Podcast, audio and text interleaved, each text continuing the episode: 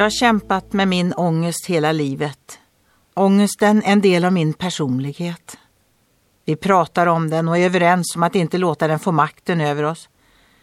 Det är jag själv som måste ta den med mig i hissen, på bussen, på kaféet och på de stora öppna ytorna. Så skrev en kvinna en gång. Att ha en tro leder inte automatiskt till att du inte drabbas av ångest.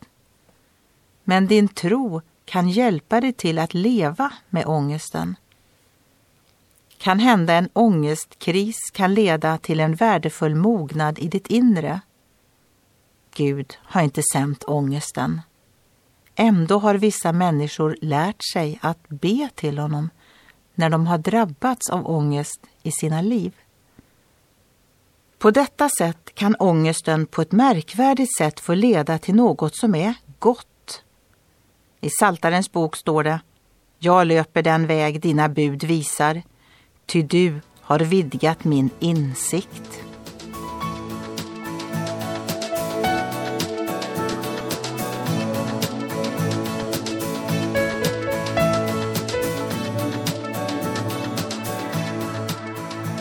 Ögonblick med Gud producerat av Marianne Källgren, Noria Sverige.